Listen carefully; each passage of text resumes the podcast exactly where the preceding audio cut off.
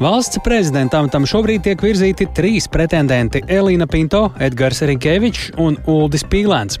Kā vērtējams viņu izredzes un vai izdosies vienoties par vienu koalīcijas kandidātu, to jau pēc brīža skaidrosim raidījumā pēcpusdienā. Polijas tālbraucēji protestē uz robežas ar Ukrainu, vai ekonomiskās domstarpības starp abām valstīm apgrūtinās Ukrainas ceļu uz Eiropas Savienību, sazināsimies ar mūsu korespondentu Briselē. Un iedzīvotāji sūdzas par pārāk lielu trokšņu līmeni Rīgā, bāru un kafejnīcu ārā terasēs, tāpēc tiek gatavoti jauni noteikumi, ko tad tie paredzēs. Par to visu plašāk tūdaļ ziņu raidījumā pēcpusdiena kopā ar mani Tāli Eipuru.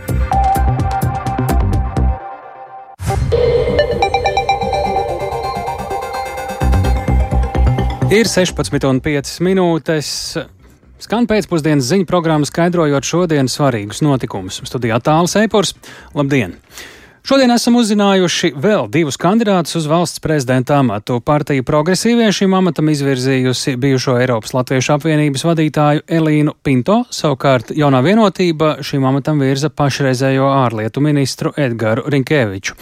Vienlaikus apvienotā sarakstā jau iepriekš pieteiktais uzņēmējs Uldis Pīlēns aicina uz tikšanos saimas frakcijas. Pašlaik vēl nav skaidrs, vai izdosies vienoties par vienu koalīcijas kandidātu. Par jaunākajām atziņām, runājot ar politiķiem un citiem, ir gatavs pastāstīt Jānis Kins, kurš jau ir šeit pie mums studijā. Sveiks, Jāni, lūdzu! Sveiks, tāls sveicināt klausītāji! Pirms apmēram stundas jaunā vienotība paziņoja, ka valsts prezidenta amatam virza ārlietu ministra Edgara Rinkēviča kandidatūru, un šis lēmums ir bijis vienbalsīgs. Runājot premjera Krišāņa Kariņa vārdiem, pamatojumu šim lēmumam netrūkst. Tā ir prognozējamība, skaidrs ārpolitikas kurs, ilgstoša pieredze politikā, plašs kontaktu lokus un vairāk nekā desmit gadus arī būdams aizsardzības ministrijas valsts sekretārs. Tajā laik, eh, tā skaitā tajā laikā, kad Latvija virzījās iestājai NATO un Eiropas Savienībā. Rinkevičs bijis arī valsts prezidenta kancelēs vadītājs prezidenta Valda Zatlera laikā. Tātad pazīst arī šīs institūcijas darbu. Un pēdējos vairāk nekā desmit gadus Edgars Rinkevičs ir Latvijas Republikas ārlietu ministrs. Viņš ieskicēja galvenos virzienus, kuros redzētu galvenos uzdevumus valsts prezidenta amatā. Šis brīdis, kurā mēs dzīvojam, karš Ukrainā, karš netālu no mūsu valsts robežām, ārkārtīgi mainīga starptautiskā vide Patīk vai nē, bet iekšējā un ārējā drošība ir galvenais uzdevums.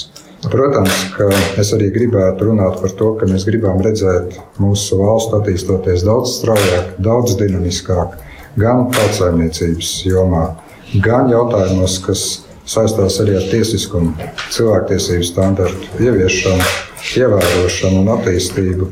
Un es būtu gatavs arī šos jautājumus ļoti augstu turēt prezidenta dienas kārtībā, kā jau es teicu, ja saima man dāvās šo uzticību. Rinkēvičs gan uzreiz arī piebilda, ka nav pielēkojis valsts prezidenta kabinetu un realistiski vērtē, ka turpmākās trīs nedēļas līdz valsts prezidenta vēlēšanu dienai, 31. maijam, būs plašu politisku diskusiju laiks. Par to vēl mazliet vēlāk. Un agrāk šajā pašā dienā partija progresīvie paziņoja, ka valsts prezidenta amatam virza bijušo Eiropas Latviešu apvienības vadītāju Elīnu Pinto. Viņa ir strādājusi Eiropas Savienības padomas ģenerāla sekretariātā ANO, Latvijas tiesības sarga birojā bijusi arī valsts prezidenta Egila Levita padomniece. Pinto nav nevienas partijas biedre. Un arī viņa kā galveno prioritāti nosauc drošību, gan starptautiski, gan arī personas drošību no vardarbības un citiem riskiem, kā arī nelokām atbalstu Ukrainai. Ievēlēšanas gadījumā viņa sola neslēpties Rīgas pilī, bet daudz apmeklēt valsts reģionus un arī turpināt darbu ar diasporu. Savas izredzes iegūt vairāk kā vien iz, viņas izvirzītāju balsis no partijas progresīvie, viņa raksturoja šādi. Es aicinu šobrīd mūsu deputātus atkāpties no ierastās aprēķina politikas. Latvijai ir svarīgs, spēcīgs, empātisks, enerģisks, izlēmīgs valsts vadītājs, kas spēj vienlaikus ieklausīties cilvēkos, bet arī nospraust tālu pārpartijisku vīziju un redzējumu mūsu valstī. Mēs no pieredzes arī zinām to, kāda ir sasnieguma, bet arī rūktas kļūdas, kas ir pieļautas Latvijā šajos 33 atjaunotās neatkarības gados. Ir šīs paudzes laiks, uzņemties pilnu atbildību par Latviju, par mūsu valsti, mūsu tautu. Tātad pašlaik ir zināms par trīs kandidātiem uz valsts prezidenta amatu, un pirmais uz šo amatu oficiāli izvirzītais ir apvienotā saraksta kandidāts, uzņēmējs un partiju apvienības veidotājs Ulris Pīlēns. Un apvienotais saraksts uzstāja uz viņu kā piemērotāko kandidātu, bet vienlaikus būšot gatavi sarunām arī par citiem pretendentiem uz augsto amatu. To apliecināja apvienotā saraksta frakcijas vadītājs Edgars Tavars. Un uh, atgādināšu arī, ka Levits atsacīšanos no dalības valsts prezidenta vēlēšanās uz otro termiņu papildināja ar aicinājumu pielēnam, arī pielēnam atteikties no dalības valsts prezidenta vēlēšanās, un tas ļautu pašreizējai koalīcijai valsts interesēs vienoties par kopēju valsts prezidenta amatu kandidātu. Savukārt Uldis Pielēns uh, sarunā ar Latvijas radio šo aicinājumu komentēja šādi. Es esmu lasījis šo argumentāciju. Man liekas, ka tur ir daudz dīvainības. Nu, skatīsimies tālāk, kāda būs jaunās vienotības reakcija. Un gaidīsim, kas tur notiks. Es neredzu nekādu pamatu noņemt man savu kandidatūru. Es esmu piedāvājis tikties ar visām frakcijām, sākt ar jauno vienotību, kā lielāko frakciju, un tad pēc frakciju lielumu iziet cauri visām frakcijām, kas man aicinās. Vismaz savu gatavību esmu paudis.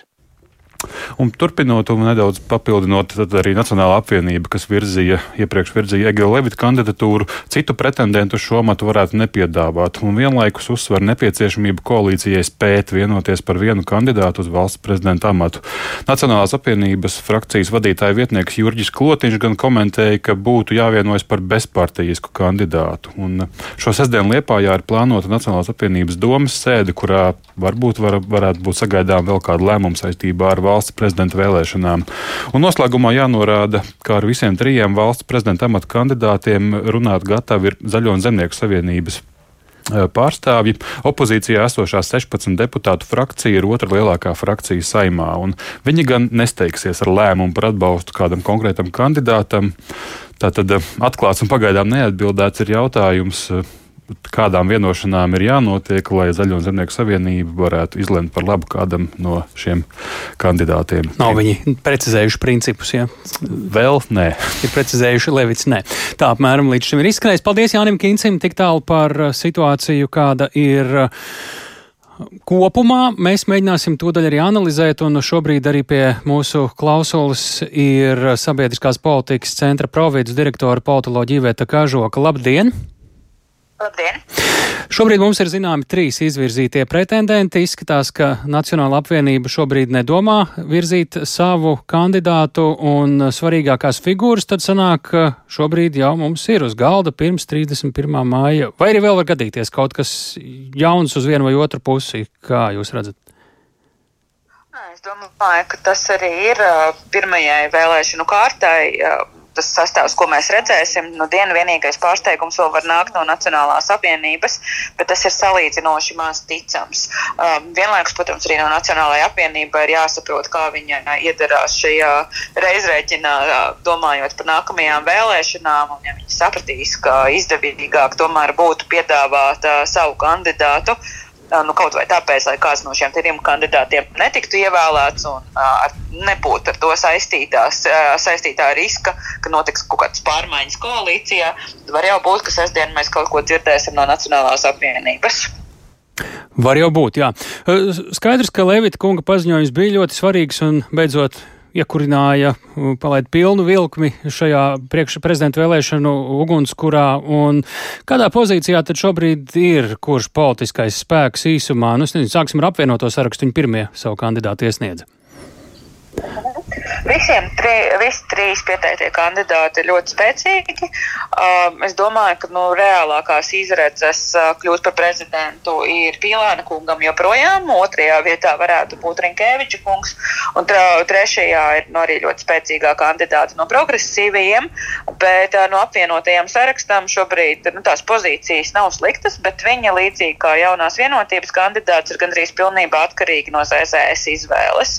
Līdz ar to uh, nu, viņu kā, galvenais mēķis droši vien nepalaist garām šo iespēju tikt pie prezidenta nu, kura nu, tas viedoklis ir saskanīgs ar apvienotā saraksta, saraksta viedokļu. Ja viņiem tas neizdosies, tas droši vien nu, būs diezgan liela neveiksme. Kāpēc apvienotā saraksta kandidātam mēs dzirdējām, tiek dotas lielākas izredzes nekā, piemēram, jaunās vienotības? Um, nu, iemesls ir tāds, ka apvienotais saraksts lielā mērā var rēķināties arī ar opozīcijas partiju atbalstu, vai vismaz tam ir racionāli iemesli pieņemt, ka nu, tiksim, opozīcija varētu par uh, Pīlānu kungu nobalsot, tāpēc ka uh, visi zina, ka Pīlāna kungam un Kariņa kungam ir ļoti grūtas uh, savstarpējas komunikācija, līdz ar to no opozīcijai tīri no politiskās racionalitātes viedokļa raugoties, uh, uh, Pīlāna kungs ir interesantāks kandidāts nekā Rinkēvičs, nu vienkārši tāpēc, ka tas varētu ātrāk vest pie kāda cita veida koalīcijas.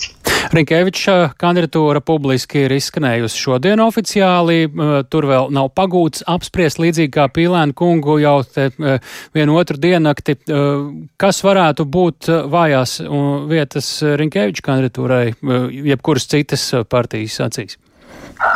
Nu, viņa pat vājākā, vājākā vieta ir tas, ka viņa tēls ir pilnībā saistīts ar jaunās vienotības tēlu, proti tiem iepriekšējiem četriem, pieciem gadiem, ko jaunā vienotība ir valdījusi valdību. Tāpatās viņa lielākā ievainojamība šobrīd ir tāda, ka arī viņš, līdzīgi kā Pīlēna kungs, ir gandrīz pilnībā atkarīgs no ZZS balsīm.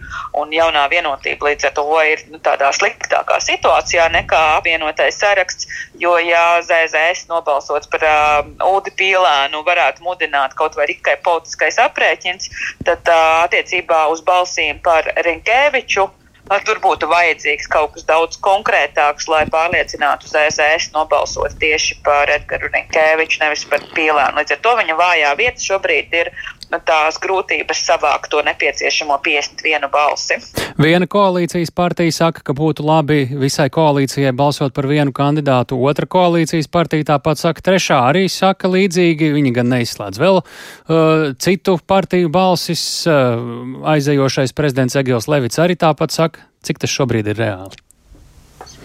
Šobrīd tas absolūti nav reāli. Vismaz uz 31. māju ir skaidrs, ka tas, ka tas tā nenotiks. Um, mēs redzam, ka ar koalīciju ir problēmas. Un, uh, līdz ar to šis balsojums par prezidentu būs ne tikai balsojums par nākamo Latvijas prezidentu, bet arī varētu parādīt kaut kādas aprises iespējamām izmaiņām arī Latvijas uh, valdības darbā. Tāpēc arī šobrīd uh, partijas to uztver tik ļoti sāsināti, un tas arī ir iemesls, kāpēc tā retorika par vienu kandidātu nu, šobrīd ir tikai retorika. Mm, daudzi, skatoties uz progresīvo kandidatūru, izvirzīto Helīnu Pinto, saka, nu, nebūs. Nu, tā vienkāršotiem vārdiem sakot, kāda ir progresīvo loma šajā visā lielajā cīņā? Vairāk viņi spēlē paši uz savu nākotni, vai arī tomēr viņu izvirzi, kandidātas izvirzīšana ietekmē arī lielo spēli šobrīd būtiski kaut kā? Šobrīd jebkurš kandidāts ietekmē arī tās izvēles iespējas, kas ir citām partijām attiecībā uz savu kandidātu virzīšanu. Ir skaidrs, ka progresīvo kandidātu lielā mērā uzrunā arī jaunās vienotības vēlētāju. Tāpēc jaunā vienotība šajā situācijā īsti pat nevarēja atļauties varbūt piedāvāt kādu kandidātu, kas varbūt opozīcijas partijām būtu saprotamāks un, un tā sakot, patīkamāks nekā Edgars Sinkēvičs. Līdz ar to ar to vien progresīvie jau ir pamainījuši tās spēles kontūrus.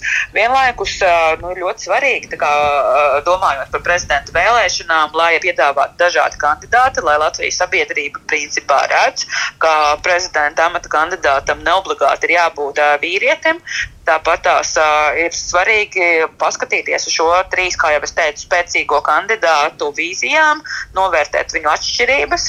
Var jau būt, ka progresīvo kandidātu šajā diskusijā parādīs, uh, varbūt, ja ne prezidenta, prezidentam, uh, pre, pre, Latvijas prezidentu, kas turpmāk darbosies nākamajos četros gados, bet nu, varbūt parādīs to perspektīvu uz nākamajiem 8, 10, 12 gadiem. Tā tad arī spēle. Konservatīvo puses tā ir ļoti loģiska izvēle virzīt savu kandidātu, vienkārši lai ja parādītu, ka Latvijas prezidents var būt savādāks nekā tie kandidāti, kurus mēs esam redzējuši pēdējos 8-12 gadus. Sakām paldies Ivetai Kažokai, Sabiedriskās politikas centra providus direktorai politoloģijai. Prezidenta Egila Levita atteikšanās kandidēt bijusi negaidīta, tomēr argumentāciju var vērtēt kā cienīgu valsts vīru pieeju. Tā uzskata bijušais valsts prezidents Aldis Atlers. Viņš atgādina, ka līdzīgi rīkojies arī Gunārs Anmerovics atjaunotās Latvijas pirmo valsts prezidenta vēlēšanu laikā. Zatlers arī uzskata, ka nav pareizi saimā deputātu balsis dalīt koalīcijas un opozīcijas balsīs. Šie žesti parasti var novest pie ļoti pozitīvām lietām.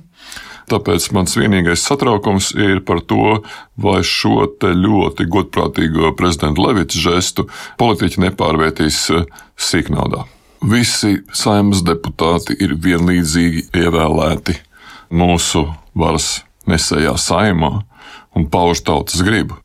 Un, protams, viņas var vērtēt emocionāli, viņas var vērtēt varbūt arī pēc kādiem faktiem, ja, bet aiz visiem viņiem stāv vēlētāji. Un tāpēc, manuprāt, visas balsis ir vienlīdzīgas. Un tāpat kā prezidents Levits teica, visi cilvēki ir vienvērtīgi.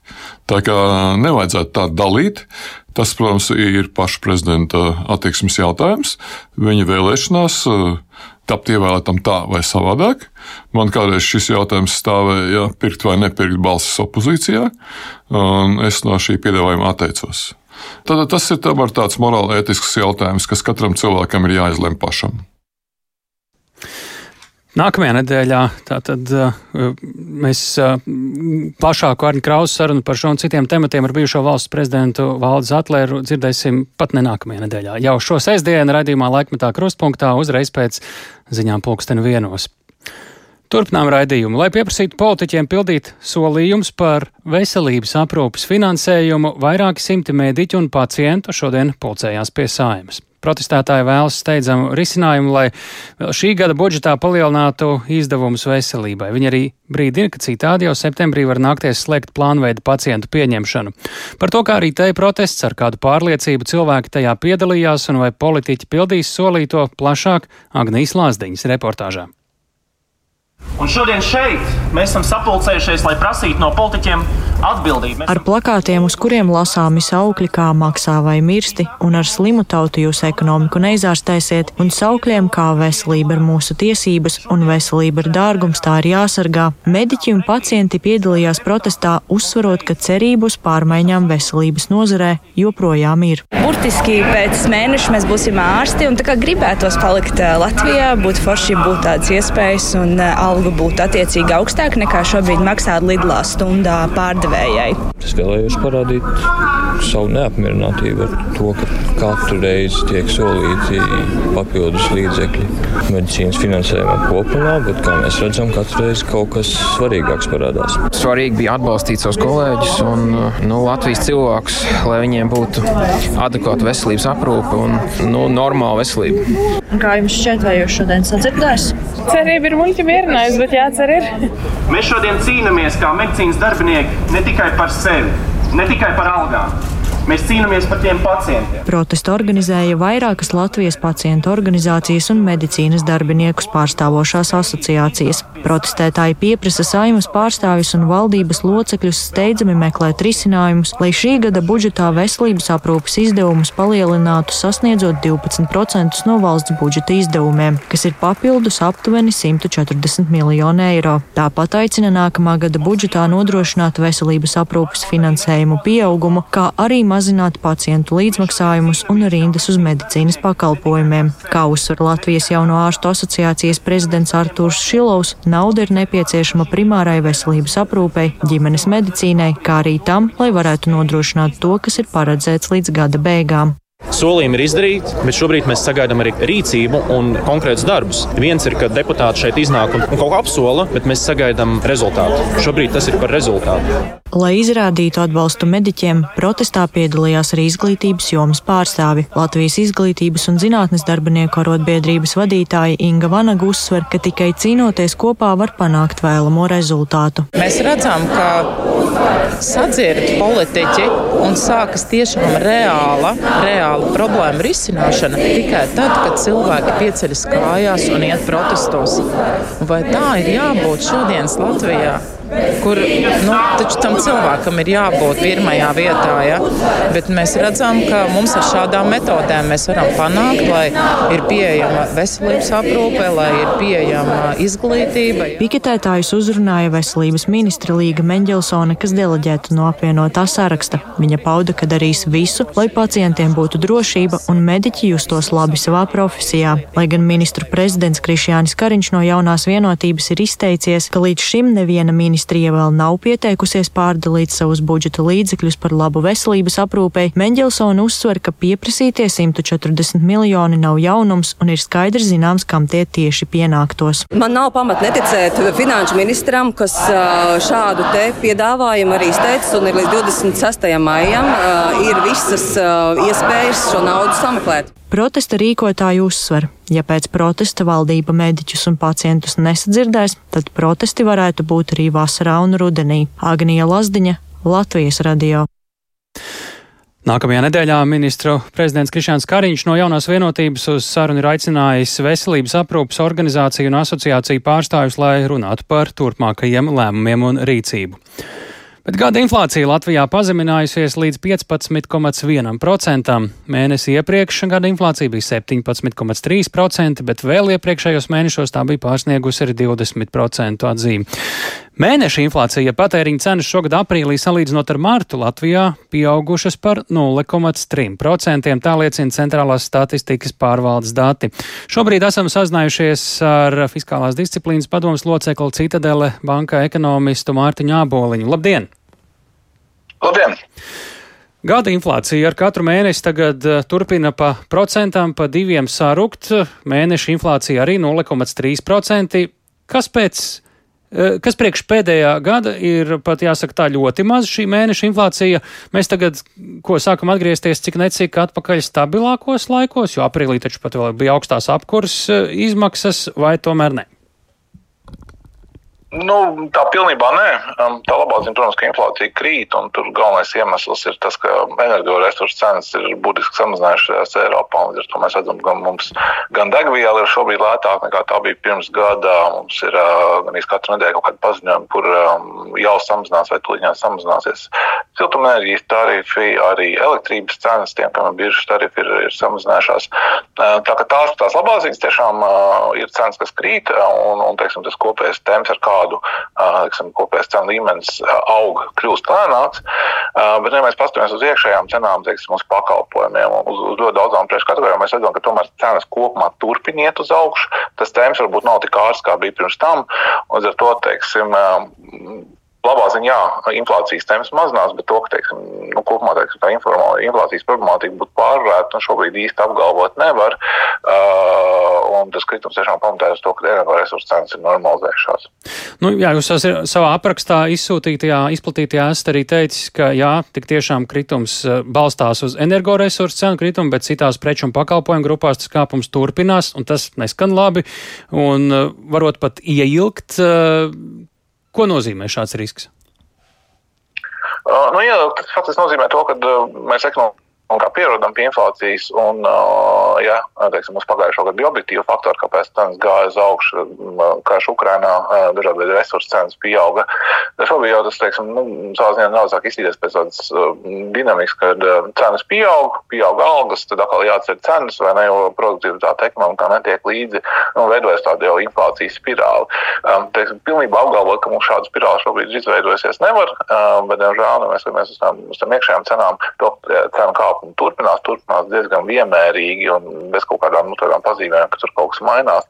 Tas parāda to risku, ka mums var veidoties tāds ilgstošāka inflācijas problēma, nu, kas, protams, ir sāpīga ekonomikai, jo no tā cieši pilnīgi visi. Kāda ir izēja no tā?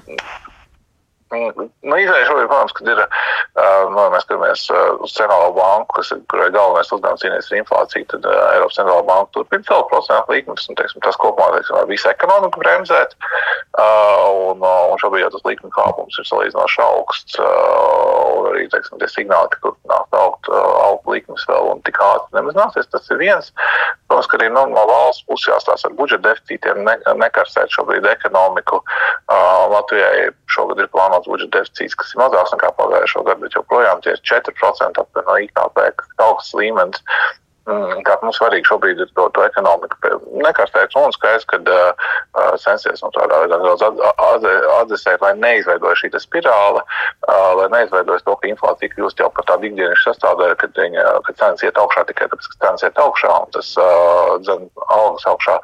Risks, ka mēs kādā brīdī varam zaudēt konkurētspēju, tad savukārt ir uh, sāpīgi mūsu eksportētājiem, un tad jau tas ir teiksim, tāds kopējās ekonomikas attīstības jautājums.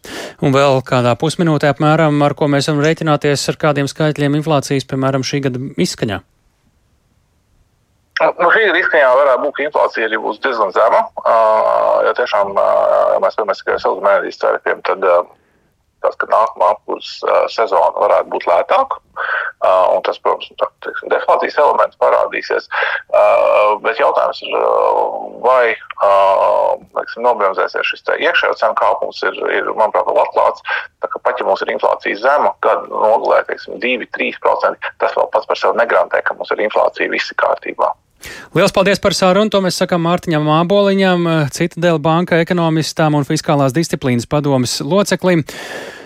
Un pievēršamies tem tikai, kas saistīta ar Ukrainu, bet arī ar ekonomiku. Kopš māja sākuma starp Poliju un Ukrainu ir sācies vēl viens saspīlējums. Domstarpības par Ukrainas labības eksportu papildinājuši strīdi preču pārvadājumu un tranzīta jomā. Polijas tālbraucēji protestē uz robežas ar Ukrainu pret lēto kaimiņu valsts kolēģu konkurenci. Vienošanās starp Eiropas Savienību un Ukrainu ir ļāvusi Ukrainas kravu pārvadātājiem brīvi nogādāt preces Polijā un citu vietu, turpretī Ukrainā, kā saka paši poļu tālbraucēji, viņi saņem sodus. Mūsu korespondents Briselē Arķoms Konohaus tagad ir gatavs analizēt situāciju, ar viņu esam sazinājušies tieši raidē. Labdien, Arķom! Vispirms īsi ieskicēsim to konflikta būtību, ar ko tieši nav apmierināti poļu tālbraucēji. Labdien, tālu, labdien, klausītāji! Poļu tālbraucēji nav apmierināti ar to, ko viņi uzskata par negodīgu konkurenci un arī par attieksmi no Ukrainas. Varas iestādēm viņi uzskata, ka Ukrainas varas iestādes nepareizi interpretē vienošanos, kas pastāv starp Eiropas Savienību un Ukrainu un pieprasa papildu atļaujas, un ja šādu nav, tad viņi uzliek sodus, ir dzirdēts par 800 eiro sodiem dažādiem kravu pārvadātājiem, jo viņiem nav kaut kādu nu, vajadzīgo papīru, kas pēc Ukrainas puses domām ir vajadzīgs vajadzīgi, bet poli, polijas pārvadātāji uzskata, ka šādi dokumenti nav vajadzīgi. Un te būtība, protams, slēpjas tajā, ka Ukrainas kravu pārvadātājiem ir krietni zemākas izmaksas, un viņi var piedāvāt labākas cenas, un viņi šādā mērā, kā uzskata poļu tālbraucēji, izspiež vietējos uzņēmējus no tirgus. Tāli. Jā, ko šis viss tad īsti liecina par Ukrainas ceļu dalībai uz Eiropas Savienību? Nu, šis jau ir jāsaka tā kārtējais sarežģījums un domstarpību tāds cēlonis. Es teiktu, ka to visu varēja gaidīt, un es teiktu, ka tas zināmā mērā, protams, ir no vienas puses skumji, no otras puses ironiski šo vērot, jo ir situācija pietiekami nopietna. Vēl ironiski tas ir tādēļ, ka vēl nesen tieši Polijas un Baltijas valstu un arī Bulgārijas, Rumānijas pārvadātāji ļoti iebilda pret Eiropas Savienības noteikumiem, kur lielā mērā varēja saskatīt rietumu valstu centienus ierobežot mūs un teikt, ka mēs piedāvājam pārāk lētas cenas, pārāk lētu konkurenci, ka mēs nodarbojamies faktiski ar dempingu, un tur tika ieviesti dažādi ierobežojumi, kas um, mūsu valstīm, mūsu reģionu valstīm uh, nebija paprātam. Un tagad mēs redzam, ka uh, šī iespējamā Ukrainas pievienošanās Eiropas Savienībā un tie pirmie soļi jau parāda, ka arī mūsu pakalpojumi lielā mērā ir par dārgu, un uh, ka parādās kāds, kas var piedāvāt lētāku cenu, un tas, protams, rada satraukumu, un šis satraukums uh, tik ātri nepazudīs. Tas būs noteikti ļoti liels un ļoti ietekmīgs faktors gados, tajos gados, kad Ukraina gatavosies, lai iestātos Eiropas Savienībā. Paldies, Arčom! Sakām Arčomam Konokovam Briselē stāstot par jauniem sarežģījumiem, kas skāra Ukrainas polijas ekonomiskās domstarpības. Nepietiekamais trokšņa regulējums Rīgā, tā skaitā attiecībā uz bāru un kafejnīcu ārā terasēm, ir bijis viens no iemesliem, kāpēc pilsētas doma ir sākusi pārskatīt saistošos noteikumus par ielu tirzniecības organizēšanu un saskaņošanu. Noteikumu jaunajai versijai šodien noslēdzas sabiedriskā apspriešana. Par troksni Rīgā ir saņemts daudzas iedzīvotāju sūdzības. Vairāk klausāmies Ievas puķes sižetā.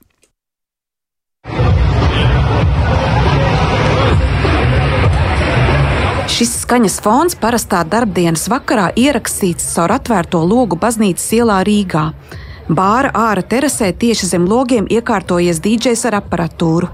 Taču tikmēr no darba ir atgriežušies arī piecstāvu mājas iedzīvotāji, kur savā dzīvesvietā vēlētos atpūsties, bet siltajā sezonā pirmskara ēkās, kur nav kondicionieru, nevar iztikt arī bez logu atvēršanas.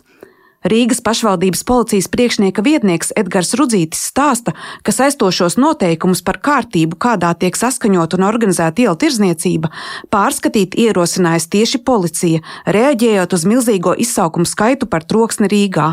Mēs nācām ar iniciatīvu, mēs, es domāju, policija, ka ir vajadzīgi šādi grozījumi tieši, kas attiec uz mūziku, lai mums būtu nostiprināts šīs likumīgās tiesības. Jebkurā brīdī jau veikt, tiek veikta šī mūzikas atskaņošana, kas traucē, lai mēs varētu šādā veidā arī uzdot šiem īpašniekiem dotajā brīdī pārtraukt uzdot kā pienākumu pārtraukt, izdodot šo administratīvo aktu. Administratīvo aktu mēs uzdodam pārtraukt. Nevis sodam uzreiz, bet uzdodam pienākumu pārtraukt. Līdz šim, jo pat ja policija atbrauca, viņi varēja pateikt, mēs drīkstam. Nu, viņi nevarēja pateikt. Mēs parasti atradām argumentus, lai panāktu kaut kādu daudz mazu pretīm nākšanu. Ja? Mēs spējām sarunās to atrast bet tāda ietekmēšanas, likumīga ietekmēšanas veida mums nebija. Šie noteikumi regulē arī to, kādu brīvo zonu terasēm, kas bieži vien izvietots arī uz ietvēm, jāatvēl gājēji plūsmai, jo arī to komersanti, cenšoties gūt peļņu pēc covid ierobežojumiem, nevienmēr ievēro. Skaidro Rīgas domas ārējās komunikācijas nodaļas darbiniece Edīte Matuseviča. Nekas tur nav mainījies. Tā tas ir bijis gan iepriekš, gan tagad eh, vecrīgā 1,2 metri jābūt iet uz brīvajam platumam.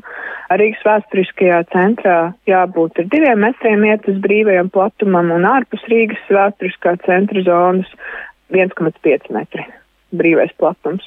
Un tā ir uh, zona starp uh, brauktuves malu un galējo tā teikt punktu.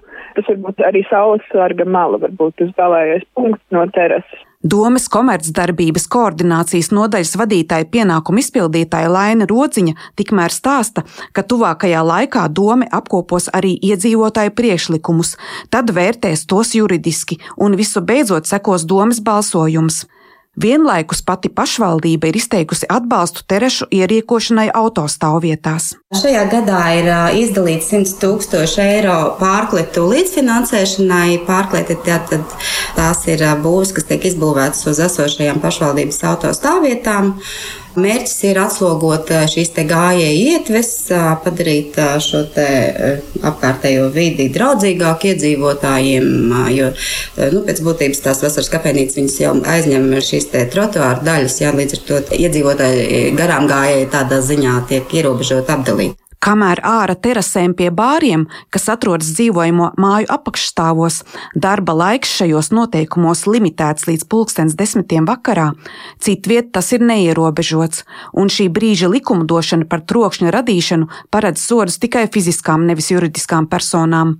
Likumdošanas nepilnības pat laban izskata Saimas juridiskā komisija, bet Rīgas iedzīvotāji savus ierosinājumus par ielu tirzniecību un terasēm vēl šodien elektroniski var izteikt Rīgas domas mājas lapas sadaļas aktuāli apakšsadaļā saistošo noteikumu projekti. Ieva Puķa, Latvijas radio.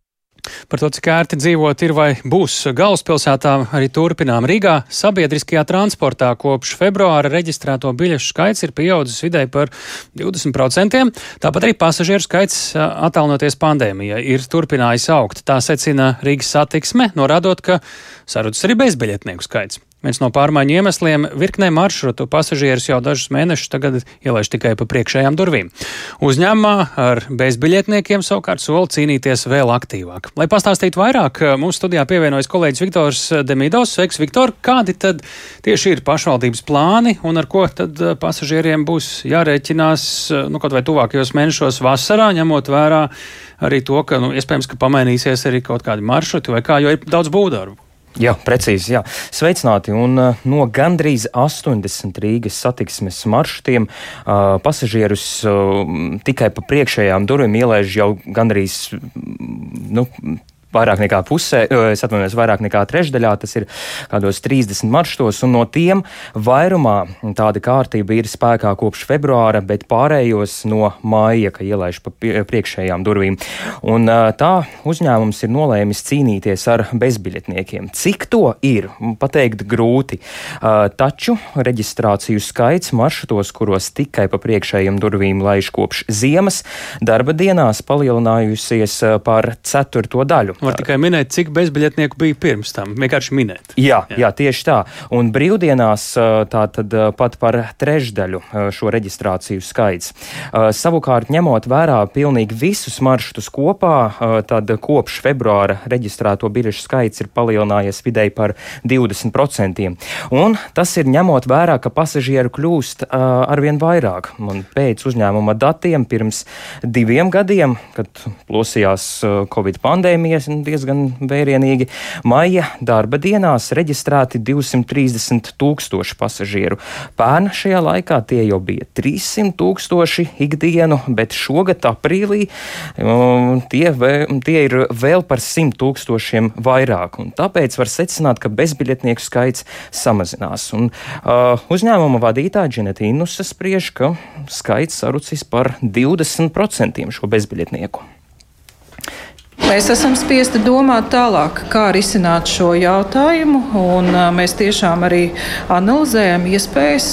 Iespējams, vakar stundās visos maršrutos tieši tā arī būs jādara. Negribu uzreiz nobaidīt visus, kad rīta un vakarā, tad, kad cilvēki dodas ļoti daudz cilvēku vienlaikus dodas uz sabiedrisko transportu, kad mēs to varētu realizēt. Ar šādiem risinājumiem pagaidām nē.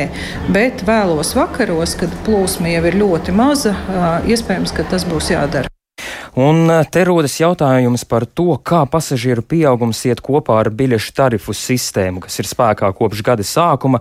Tā nu, ir daļa pasažieru, kas sabiedrisko transportu nelieto regulāri, un, un, un, un, un tātad šie pasažieri to vērtē pretrunīgi. Nu, bija šī vienotā mēneša biļete, kas tika ieviesta, ka var braukt eh, par krietni mazāku summu. Par 30 eiro, skaits, 50 jā. eiro vietā. Jā, jā. jā. Un tad, eh, bet turpretī tie pasažieri, kuri reti izmanto, viņi gan sociālajās platformās, gan vispār arī aprunājoties ielās, nu, viņi, viņi to vērtē diezgan pretrunīgi, sakot, ka maksas tagad ir jāver plašāk. Uh, jā, taču Inas norāda, ka uh, uzņēmumu ieņēmumi no šīs jaunās tarifu sistēmas uh, nav mainījušies, un mēnesī tie ir aptuveni 3 miljoni eiro. Uh, turpretim dotācija no pašvaldības ir pieaugusi par 20 miljoniem eiro, un tagad ir ap 140 miljoniem eiro. Tātad, ko gada laikā Rīgas doma dot Rīgas eh, satiksmei. Jā, un tagad, ja mēs eh, pievēršamies eh, karstajam laikam, vasarai, mm -hmm. priekšā būvs sezonu, kas jau tagad ir dziesmu svētki, tieši tā, un arī Brasas tilts aktīvi, aktīvi būvē Brasas tiltu un Rail Baltica būvniecība apkārtnē notiek stacijas un centrāla tirgus apkārtnē vērienīgi būvdarbi. Kā tad nu, šie darbi ietekmēs pasažierus? Nu, te uzreiz jāsaka, ka mm, reisu skaitu palielinās 1,22 maršruta autobusā. Uz lidostu un atpakaļ katru dienu klātnāks 20 reisi, tas no 3. jūnija.